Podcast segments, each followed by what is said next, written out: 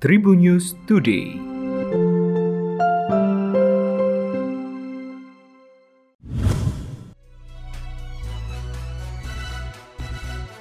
Halo Tribuners, berjumpa kembali bersama Memens. Memens akan berbagi informasi untuk kamu dimulai dari berita nasional.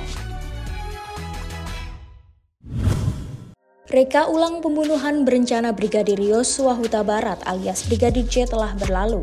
Namun fakta-fakta baru dalam kasus tersebut terungkap. Ada beberapa hal yang berbeda dalam pernyataan para saksi tersangka sebelumnya. Peranan Kuat Ma'ruf alias Om Kuat dalam pembunuhan ini sebagai orang yang mengancam korban pun semakin kuat. Kuat Ma'ruf alias Om Kuat ternyata mengancam korban sehari sebelum terjadinya pendebakan di rumah dinas Kadif Propampori Jalan Duren 3, Jakarta Selatan. Bahkan ancaman pembunuhan yang dilakukan Om Kuat pada Brigadir J itu menggunakan dua bilah pisau. Dalam rekonstruksi terungkap, Om Kuat menyerahkan dua bilah pisau dan handy talkie atau HT kepada saksi yang bernama Prayogi. Prayogi adalah ajudan Ferdi Sambo yang lain. Terkait adanya ancaman Om Kuat ini dibenarkan kabar Reskrim Komjen Agus Adrianto. Agus menerangkan hal ini dikuatkan dengan keterangan saksi-saksi yang sudah diperiksa oleh Polri. Agus menyebut pisau tersebut hanya digunakan kuat untuk mengancam Brigadir J dan tidak sampai dilakukan kontak fisik dengan pisau tersebut. Selanjutnya berita regional Tribuners.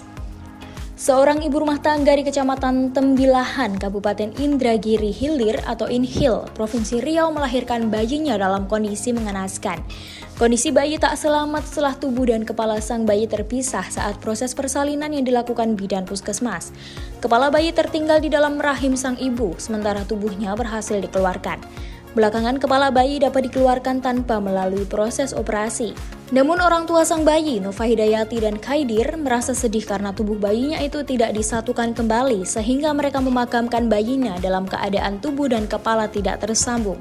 Menurut keterangan suami Nova Hidayati, Kaidir, saat itu istrinya melakukan proses persalinan di Puskesmas Gajah Mada, Tembilahan, Riau. Pada saat persalinan, kepala bayi itu diduga putus dan tertinggal di dalam rahim ibunya. Bayi itu diduga dalam posisi sungsang. Selanjutnya berita selebriti Tribuners. Marcel Widianto membeberkan rencananya untuk pergi ke Milan demi menemui keluarga Selin Evangelista.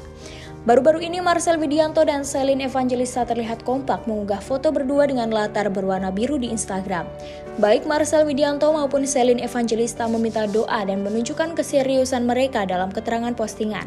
Postingan tersebut membuat masyarakat semakin mendukung kedekatan Marcel Widianto dengan Selin Evangelista.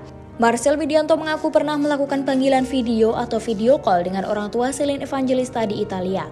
Selain itu, beberapa bulan kemudian, Marcel Widianto berencana untuk pergi ke Milan dan bertemu dengan keluarga Celine. Dalam kesempatan tersebut, Marcel Widianto mengatakan bahwa dirinya dan Celine Evangelista saling menyayangi. Kendati demikian, Marcel mengaku belum ada hubungan resmi antara dirinya dengan Celine. Berita terakhir dari olahraga Tribuners. Tak hanya fokus pada pemulihan bahu, Arun nampaknya bakal segera menyambut hari bahagia. Atlet berusia 25 tahun itu berencana untuk menggelar resepsi pernikahan. Arun sendiri menerangkan bahwa acara tersebut sempat tertunda cukup lama. Kemungkinan karena agenda turnamen WWF yang cukup padat sejak awal tahun 2022. Itu yang mengakibatkan Aaron Chia harus menunda resepsi pernikahan sampai dirinya berhasil menyabet gelar juara dunia di Tokyo pekan lalu. Setelah mengamankan gelar juara dunia, Aaron memiliki jeda istirahat yang cukup panjang. Nampaknya itu yang jadi pertimbangan bagi Aaron untuk melangsungkan resepsi pernikahannya.